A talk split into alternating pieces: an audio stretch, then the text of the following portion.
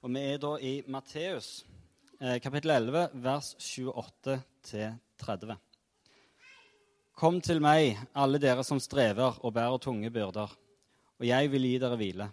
Ta mitt åk på dere og lær av meg, for jeg er mild og ydmyk av hjerte. Og dere skal finne hvile for sjelen, for mitt åk er godt og min byrde lett. Kjære far, takk for at vi kan eh, komme her og samles her i ditt navn. Takk for at vi kan komme her og kjenne på din fred og din ro eh, det hverdagen skal begynne igjen, i det hverdagen og med høsten og med arbeidet som kommer, at vi kan komme her og, dag bli en, en god dag. I ditt navn. Amen. God morgen. Så kjekt å se dere. Jeg fikk noen sånne kommentarer på, etter at jeg talte forrige søndag på de som har hørt på podkasten. Eh, at jeg sa at det var så kjekt å se at det var så mange som ikke var her. For da tenkte jeg at da har de sikkert det veldig hyggelig på ferie. Men selvfølgelig ikke. At det var hyggelig at vi var få. Så det er kjekt å se at vi blir flere og flere, og at nå er snart sommerferien på hell. Og så er vi tilbake alle som en. Og hvis du hører på podkast og tenker at eh, at vi ønsker at du ikke er her, så er ikke det sant. Men vi håper at du har det fint på ferie. I år så følger vi i Misjonskirka kirkeårets tekster. Jeg vet ikke med dere hvor, hvor godt kjent dere er med kirkeåret. Eh, men i all hovedsak så kan man på en måte dele kirkeåret inn i to. Man har den perioden som går fra første søndag i advent og til pinse, som man kan kalle for høytids perioden, eller festperioden. For da kommer alle de kristne høytidene på rad og rekke med advent og jul og påske og pinse og Kristi himmelfart. Og så har man den lange perioden fra pinse og fram til advent, som vi er i nå, og som kalles for eh, treenighetstiden. Eller vekst, eh, vekstperioden. Og mens man på en måte, I den høytids- og festdelen så har man fokus på Jesus og Jesus sitt liv. Um, og på høytidene selvfølgelig, så har vi på nå mange av tekstene fokus på hvordan det er å leve eh, som en disippel av Jesus. Og hvordan det er, på en måte, å gå, eller på en måte være en del av kirken. Eh, og i dag så er vi på den niende søndag i treenighetstiden. Så vet dere det. Og så er det en veldig kjent tekst i dag som jeg er sikker på at eh, om ikke alle, så iallfall nesten alle kan den utenat.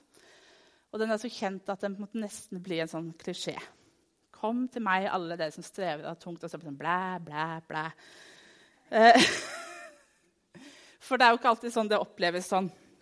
Eh, men vi skal snakke om to ting i dag. Vi skal snakke først om eh, at Jesus er den som kan gi oss hvile i vår hverdag, uansett hvordan vi har det.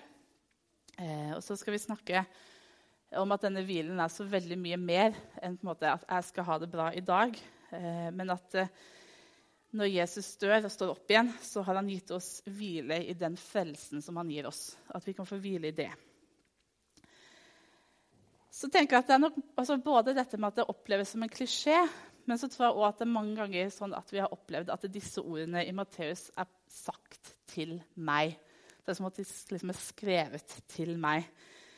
Eh, kanskje etter at man på en måte har kommet ut av det som var vanskelig. og på en måte... Nei. Men som måtte tenke at dette bibelverset er liksom gitt til bare meg. Når, det, altså når du står der måte med eh, begravd til halsen av vanskelige omgivelser, når livet måte er så tungt at man tenker at nå går det ikke lenger Enten det er pga. sorg, sykdom, problemer på jobben, brutte relasjoner Alt det som vi mennesker vet kan gå galt og være vanskelig og så er det som om Jesus kommer der og sier han, 'Kom til meg.' Du som strever og har tungt å bære, jeg ser deg, og jeg vil gi deg hvile. Og det tror jeg er sant. Og den, Vi har kanskje en erfaring en opplevelse av at vi har fått lov til å lesse av oss alt det som er vondt og vanskelig hos Jesus. Um, for eksempel den følelsen av å få legge noe ned um, og gå videre uten. Og Ofte er det mange som sammenligner det med hvis du har gått på en lang tur med tung sekk, og du har slitt deg langt oppover fjellsida. Og så kommer du fram der som du skal slå leir. Og så legger du tursekken av. Og så trodde du at du ikke kunne gå lenger, men når du har fått lagt sekken ned, så kan du sikkert gå dobbelt så langt. Jeg skal ikke skryte på meg at jeg har så mange av den type opplevelser. Veldig sjelden jeg går høyt på fjellet med tung sekk. Jeg pleier å gå litt lavere og flatere og med lett sekk. Men i sommer så var jeg hjemme hos mamma og pappa på sommerferie. Og så skulle jeg pakke med meg alt det som jeg trenger å ha med meg når jeg skal på sommerferie, pluss dobbelt så mye, bare i tilfelle, eh, i en sekk. da. Eh, og vanligvis så pleier jeg også å mase. Eh, spør veldig fint først, og så mase litt etterpå. At mamma og pappa skulle komme og hente meg på flyplassen i Ålesund. Um, og vanligvis så pleier de å gjøre det. De er veldig snille og greie. Uh, og i alle fall når jeg reiser med hunder, for det er veldig mye styr. Men så i sommer så skulle hundene være igjen her. Og jeg tenkte at jeg skulle være litt voksen og ta ansvar for eget liv. Eh, og dra med denne sekken først hjemmefra og på flybuss til Sola. Og så inn på flyet. Det er jo greit. Og så fra flyet og inn på flybåt. Og flybuss og ny flybuss etter flybåt. og ja. Um, I det hele og store. Og så tar det jo lengre tid, føles det som. Um, noen ganger har jeg kjørt hjem, og det tar 11 timer. Men det føles mye lenger når man skal reise med fly og alle disse byttene. Og når man kommer hjem der på kvelden og liksom får legge all den bagasjen i gangen og på en måte vette ryggen opp og liksom gå inn og sette seg på kjøkkenbenken eh, og kjøkkenbordet og få en kopp med kaffe som er nykokt, og liksom kjenne at så skimrende det var aldri havet, og så god var aldri den kaffekoppen som akkurat nå. Eh, og den følelsen der tror jeg at mange av oss har opplevd eh, billedlig talt med Jesus. At vi får lov til å komme med ting som er vanskelig, og legge det fra oss, og så får vi gå letta derifra. Som små barn. Eh, og noen av dere har små barn, og noen har vært små barn. Som når måte, livet er vanskelig og man måtte oppleve noe skummelt, så liksom kommer den mammaradaren. Og med en gang man får øye på mamma, så stabber man gråtende av gårde om man ikke har grått før. Og så er det en liten timeout på fanget, og så er man på en måte klar på ny. Og så er denne invitasjonen som Jesus kommer med. De som strever, og de som har tungt å bære. Så jeg har tenkt litt på dette med å streve og det å ha tungt å bære. Så tenk at Det er kanskje to forskjellige ting. At det å streve det kan være på en måte å arbeide med noe som du ikke helt blir ferdig med. Altså Når ting dukker opp igjen og opp igjen. Denne følelsen av på en måte å jobbe og jobbe og jobbe og allikevel ikke bli ferdig. At man flytter seg ikke av flekken. At Uansett hva du gjør, så blir ikke ting bedre. Men med den slitasjen som kommer over tid. Lillebroren min jobber som pølsemaker. Og det høres veldig spennende ut, men for stor del så det når han kommer på jobb, så flytter han store kasser med kjøtt fra et samlebånd og opp i en blender, og så tømmer han den med jevne mellomrom. Og Noen ganger så tenker jeg at livet oppleves litt som et sånt samlebånd. Altså Man står og gjør akkurat det samme, og så blir det en slitasje over tid. Enten det er en, en relasjon som er vanskelig, eller en måte man opplever problemer på, på jobb. Men det er liksom noe som, som over tid sliter. Og den følelsen av å ha noe som er tungt å bære tenker jeg må være, altså Når det oppleves som at dette som jeg står i nå, er så vanskelig at jeg klarer ikke å håndtere det aleine. Det går ikke. Det er fysisk umulig. Det er som å ha en sekk som er for tung. Man får ikke til å løfte den. Og dette kommer jeg til å knekke nakken på. Og Det tenker jeg kan være mange forskjellige typer byrder som er tunge å bære. Jeg leste et blogginnlegg av alle ting, av ei som oppsummerte dette så veldig fint. For Hun sier at det er tre forskjellige typer byrder. Man har fortidsbyrder, nåtidsbyrder og framtidsbyrder. Og Fortidsbyrder tror jeg handler om at man har noe som ligger tilbake i tid, og som vi fremdeles får lov til å plage oss. Det kan være noe vi angrer på at vi har gjort. Synd eller eller bare noe som ble feil, og som vi går og gnager på. Noe som har gått galt, og som vi ikke klarer å legge fra oss, men stadig vekk henter opp i bevisstheten. Sorg om noe vi har mistet noen, eller noe vi har mista. Savn, ødelagte relasjoner, ekteskap som har gått i stykker, foreldre som ikke har kontakt med barn, barn som ikke har kontakt med foreldre. Um, og fordi at noen ganger så får de tingene som ligger bak oss i tid, fremdeles lov til å prege hverdagen vår fordi at vi tenker at fordi det skjedde, eller pga. at jeg har opplevd dette, eller fordi at jeg har gjort dette, så er jeg på en måte diskvalifisert fra å noen gang få det bra. At fordi at jeg gjorde det den gangen, så kan jeg aldri mer Fordi at jeg har et ødelagt forhold bak meg, så kan jeg aldri få et bra forhold i framtiden.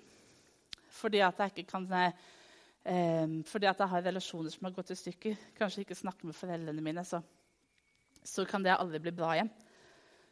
Um, fordi at ting var vondt og vanskelig på den forrige jobben min, så blir det alltid nødt til å være sånn for meg at jeg har det vanskelig på jobb. Eller jeg kanskje ikke fortjener å få en ny jobb hvis man har mista det. Man på en måte tar på seg en form for skyld, føler på det med skam. Og så blir man på en måte diskvalifisert ifra på en måte å gå videre. Mens en nåtidsbyrde, det er tenker jeg, det som skjer akkurat nå. Midt i krisen når man står så dypt planta i en situasjon, uansett hva det måtte være, at, at det overskygger alt annet. Eh, midt i sykdommen, rett etter et dødsfall, akkurat idet man mister jobben. Uansett, så akkurat der og da så er det på en måte så stort og så viktig, det som er vondt og vanskelig, at det på en måte overskygger alt annet. Og så har vi den som kommer litt sånn snikende, og som vi kanskje kan ta og bære med oss hele livet, den framtidsbyrden for det som kommer. Um, bekymringene for det som ligger litt der framme. Hva skjer om jeg mister jobben nå? Hva skjer med ungene? Tenk hvis det ikke går bra med dem. Hva skjer med meg hvis jeg blir syk? Hva skjer hvis? Og så har man på en måte en bekymring for noe som ennå ikke har skjedd, men som kanskje kan komme til å skje der framme. Så tenker jeg at uansett da, om det man går og bærer på, er en slitasje som kommer over tid, eller at det er en plutselig tung byrde, om det er for noe som har vært, eller for noe man er i, eller for noe som kommer, så er Jesu ord de samme. Kom til meg, du som strever og har tungt å bære, og jeg vil gi deg hvile.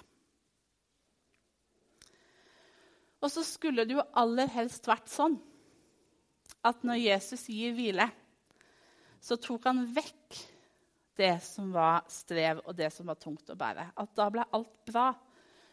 Men det er det jo ikke. Og det er forskjell på å få hvile fra strev og byrder og det å få hvile i strev og byrder. Og hvis vi ser for oss at som kristne så skal vi få hvile fra strev og byrder og få leve et liv som er uten bekymringer, uten noe som er vondt, uten noe som er vanskelig, uten sorg, uten savn, så kan det gå veldig bra en liten periode.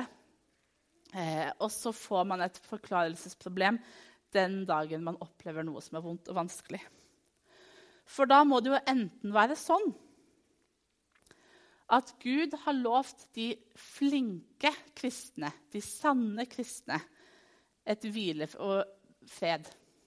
Så når jeg ikke opplever det sånn, når jeg ikke opplever det problemfrie livet som jeg så for meg at Jesus skulle gi meg, så må jo feilen ligge hos meg. At det er jeg som ikke klarer å være kristen nok, tro nok, be nok.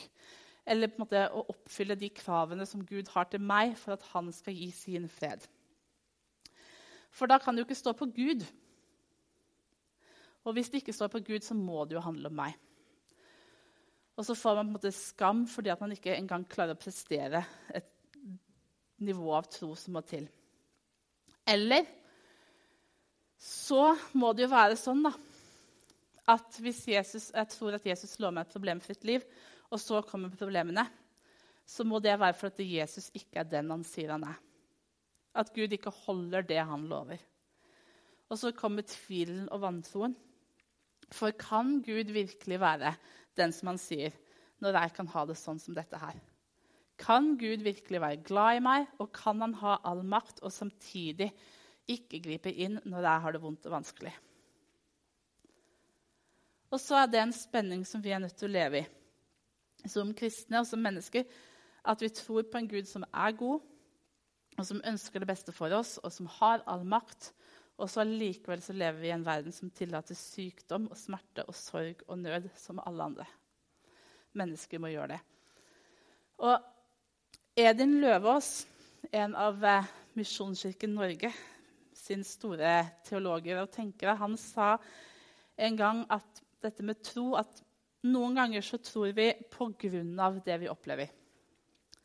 At fordi at vi i møte med Gud opplever en Gud som er kjærlig og god, så tror vi på han.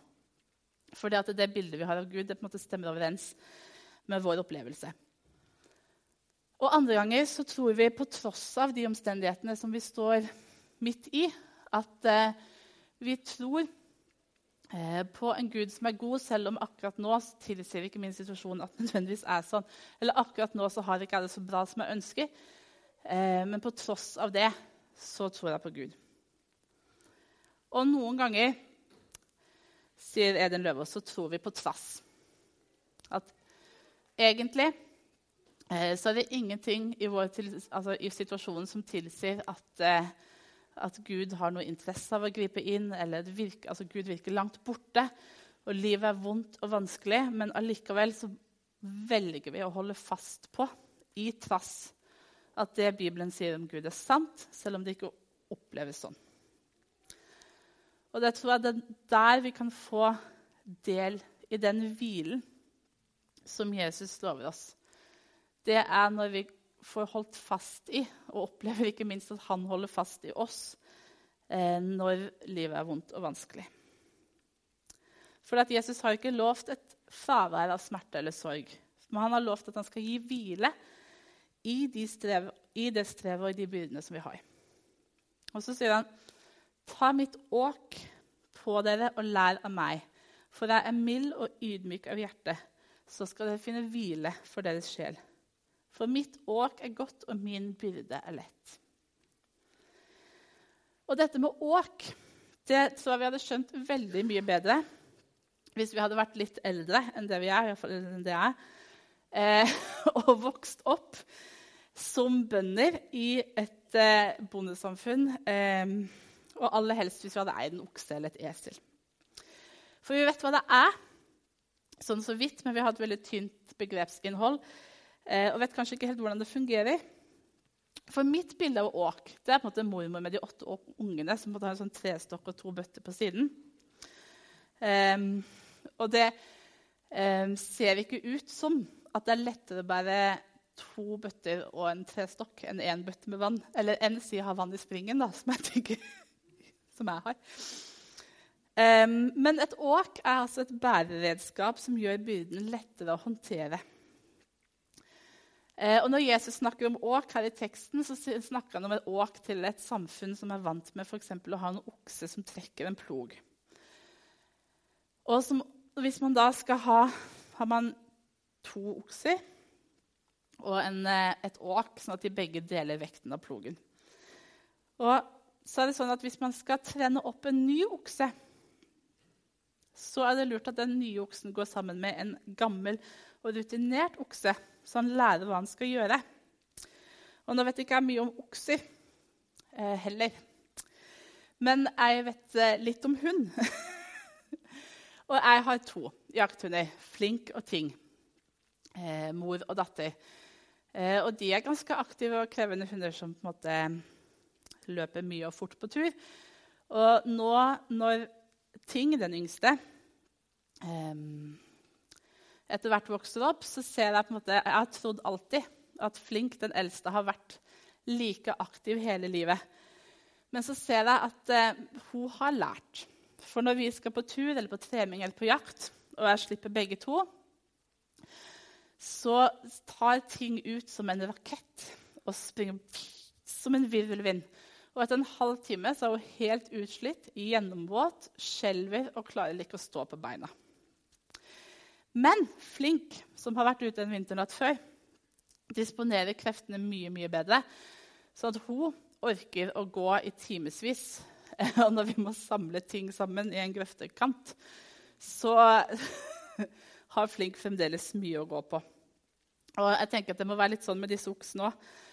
At eh, den gamle oksen vet måte, at det er lurt å begynne i et fornuftig tempo, sånn at man varer hele dagen ut. Og den gamle oksen vet at når vi kommer til enden av denne fuglen, og det ser ut som at måte, hele hensikten med å være her forsvinner, så er det bare å snu og gå tilbake. Um, og når den nye og unge oksen får gå med den gamle, så lærer han hvordan dette fungerer. Og Det har vært nevnt fra denne talerstolen mange ganger i vår at vi er som sauer. Eh, og nå er vi òg litt som okser. Fordi at vi får lov til å gå sammen med Jesus i hans åk gjennom livet. Og uansett hva som kommer, da, uansett hva som ligger foran oss, så går Jesus sammen med oss og hjelper oss å bære det. Eh, og han er den som kan vise oss hvordan dette fungerer, som hjelper oss å disponere kreftene, som leder oss og sånn at vi midt i det som er vårt liv og vår hverdag, kan få oppleve den hvilen det er å gå sammen med noen som er rutinerte. Og ikke minst tenker jeg at Jesus har tatt på seg ansvaret. Han er den erfarne oksen som bærer mesteparten av vekten, av, mesteparten av eh, ansvaret. Han er den som bærer, og som har oversikten når ikke vi har og som bærer når vi ikke orker. Så det er det som er invitasjonen til oss i dag, til meg og til deg. At uansett hva vi kommer med, uansett hva vi hadde bærende med oss når vi kom inn døra, så kan vi i dag få lov til å hvile. Bære det sammen med Jesus og få hvile i det. Så er det sånn, da, for det andre punktet, at når Jesus inviterer til hvile, så er det ikke bare en hvile fra små, relativt små. For selv våre store bekymringer blir små i sammenligning med en hel evighet. Og vår hverdag er liten i forhold til en evighet. Når Jesus inviterer til hvile, så er det mye mer grunnleggende enn at jeg skal ha det bra i dag. For det handler om at jeg kan få hvile i vissheten om at jeg er Guds barn, at jeg er en del av Guds familie, og at når Jesus døde på korset og sto opp igjen, så har han gjenoppretta relasjonen mellom Gud og mennesker, og at jeg kan få hvile i at det som han har gjort, det holder. At når Jesus sier på korset at det er fullbrakt, så er det det. Og når Jesus snakker her, taler her, så snakker han til jøder som bor i en jødisk, lever med en jødisk kontekst. Og når han snakker om åk, så vet de både om åk i, altså i jordbrukssammenheng og dette med okser og pløying av jord. Men så, vet han også, så skjønner de òg at når Jesus tilbyr dem hvile og et annet åk, så er det en annen løsning for å bli rettferdiggjort innenfor Gud enn ved å leve etter loven og følge en masse religiøse plikter. Fordi at en jøde vet hva det vil si å leve under lovens åk. At man har forpliktelsen på å leve i lydighet til loven. Og selv om loven er god, så vil ikke mennesket klare å oppfylle loven. Og så fører det til fordømmelse, og så er man skilt fra Gud. Så man er på en måte dømt til å mislykkes når man skal bli rettferdiggjort ved sine egne gjerninger. For at man strekker ikke til. Og så lever de i et samfunn der de religiøse lederne, rabbiene og de skriftlærde, påla folket en masse plikter eh, som opplevdes som en byrde. Og Litt seinere i Matteus tar Jesus oppgjør med det eh, når han sier til fariseerne om fariseerne at de binder tunge bører som ikke er til å bære, og legger dem på skuldrene til folk, men selv vil de ikke løfte en finger for å flytte dem. Eller i apostlenes gjerninger eh, så kan vi lese om apostel, apostelmøtet i Jerusalem. Da apostlene møtes fordi de skal bli enige om hvordan de skal forholde seg til alle de hedningene som nå har lyst til å bli kristne. Eh, og så er spørsmålet er det sånn da, at de er nødt til å bli jøder først, og så bli frelst. Eh, må de leve etter jødisk lov? Hvordan skal de forholde seg? Eh, og så har de krangla om det en stund. Eller det står et heftig ordskifte. Eh, og så sier Peter, Hvorfor utfordrer dere da Gud og legger på disiplenes nakke et åk som verken våre fedre eller vi har maktet å bære? Fordi at de selvfølgelig har opplevd, hvis de skal være ærlige med seg selv, at de kravene som, altså som den religiøse lederne krever, ikke er mulig å oppfylle. At de kravene som loven sier at man skal leve etter, de går det ikke an å leve etter. Eh, og de som står rundt og hører Jesus den dagen her, de vet hva lovens åk er. Og de vet at det er et åk som de ikke har klart å bære, og som fedrene ikke har klart å bære. For at ingen klarer å oppfylle lovens krav. Og ingen er i stand til å stå rettferdige foran Gud ved egne gjerninger. Akkurat som, sånn det er for oss i dag. At vår situasjon i forhold til Gud er lik. Og for oss så er også Jesus' sin invitasjon den samme. Kom til meg, dere som strever og har tungt å bære, og jeg vil gi dere hvile. Alle dere som strever med å bli rettferdiggjort ved egne gjerninger. Vi som prøver å bære byrden av eget liv og egne feil og vår, egen, og vår syns, så vil han gi oss hvile. Han som har båret alt, han inviterer oss som går og bærer, til hvile. Og så kan vi få lov til å tro at når Jesus dør på korset og sier at det er fullbrakt, så er det det. Da trenger vi ikke å legge noen ting til, og vi trenger ikke å trekke noen ting fra. Og Senere i dag skal vi få lov til å feire nattverd sammen. og Det kan være en fin måte eh, å helt fysisk og konkret gjøre nettopp det. Komme til Jesus eh, og legge av det som vi bærer på, uansett hva det måtte være. Og få ta imot av den hvilen som han har lyst til å gi, og la Han få lov til å hjelpe oss å bære. Så vil jeg slutte med å lese fra Romerbrevet, en av de tekstene som er lesetekster i dag. Fra Romerbrevet 8, eh, vers 38 og 39. For jeg er viss på at verken død eller liv, verken engler eller krefter, verken det som nå er, eller det som kommer, eller noen makt, Verken det som er i det høye eller i det dype, eller noen annen skapning, skal kunne skille oss fra Guds kjærlighet i Kristus Jesus, vår Herre. Så Jesus han inviterer oss til hvile.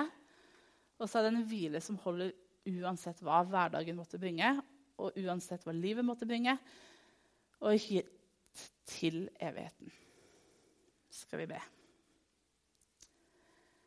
Kjære Jesus, jeg har lyst til å takke deg for at eh, du har gjort det mulig for oss å bli en del av din familie. At du inviterer oss til eh, fellesskap med deg. At du vil være vår bror, og at vi kan få lov til å ha Gud som far.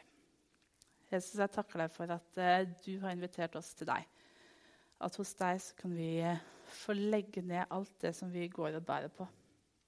Alle våre bekymringer og alle de problemene og utfordringene som vi har, så kan vi få oppleve at du går med, og at du gir oss hvile. Og jeg synes takk være for at um, du òg gir oss frelse. At det er deg vår frelse bygger på. At det er ingenting vi gjør som, uh, som kan trekke ifra eller legge til. At uh, det du har gjort, det holder. At du har sagt at det er fullbrakt, og da kan vi få tro på det og stole på det. Amen.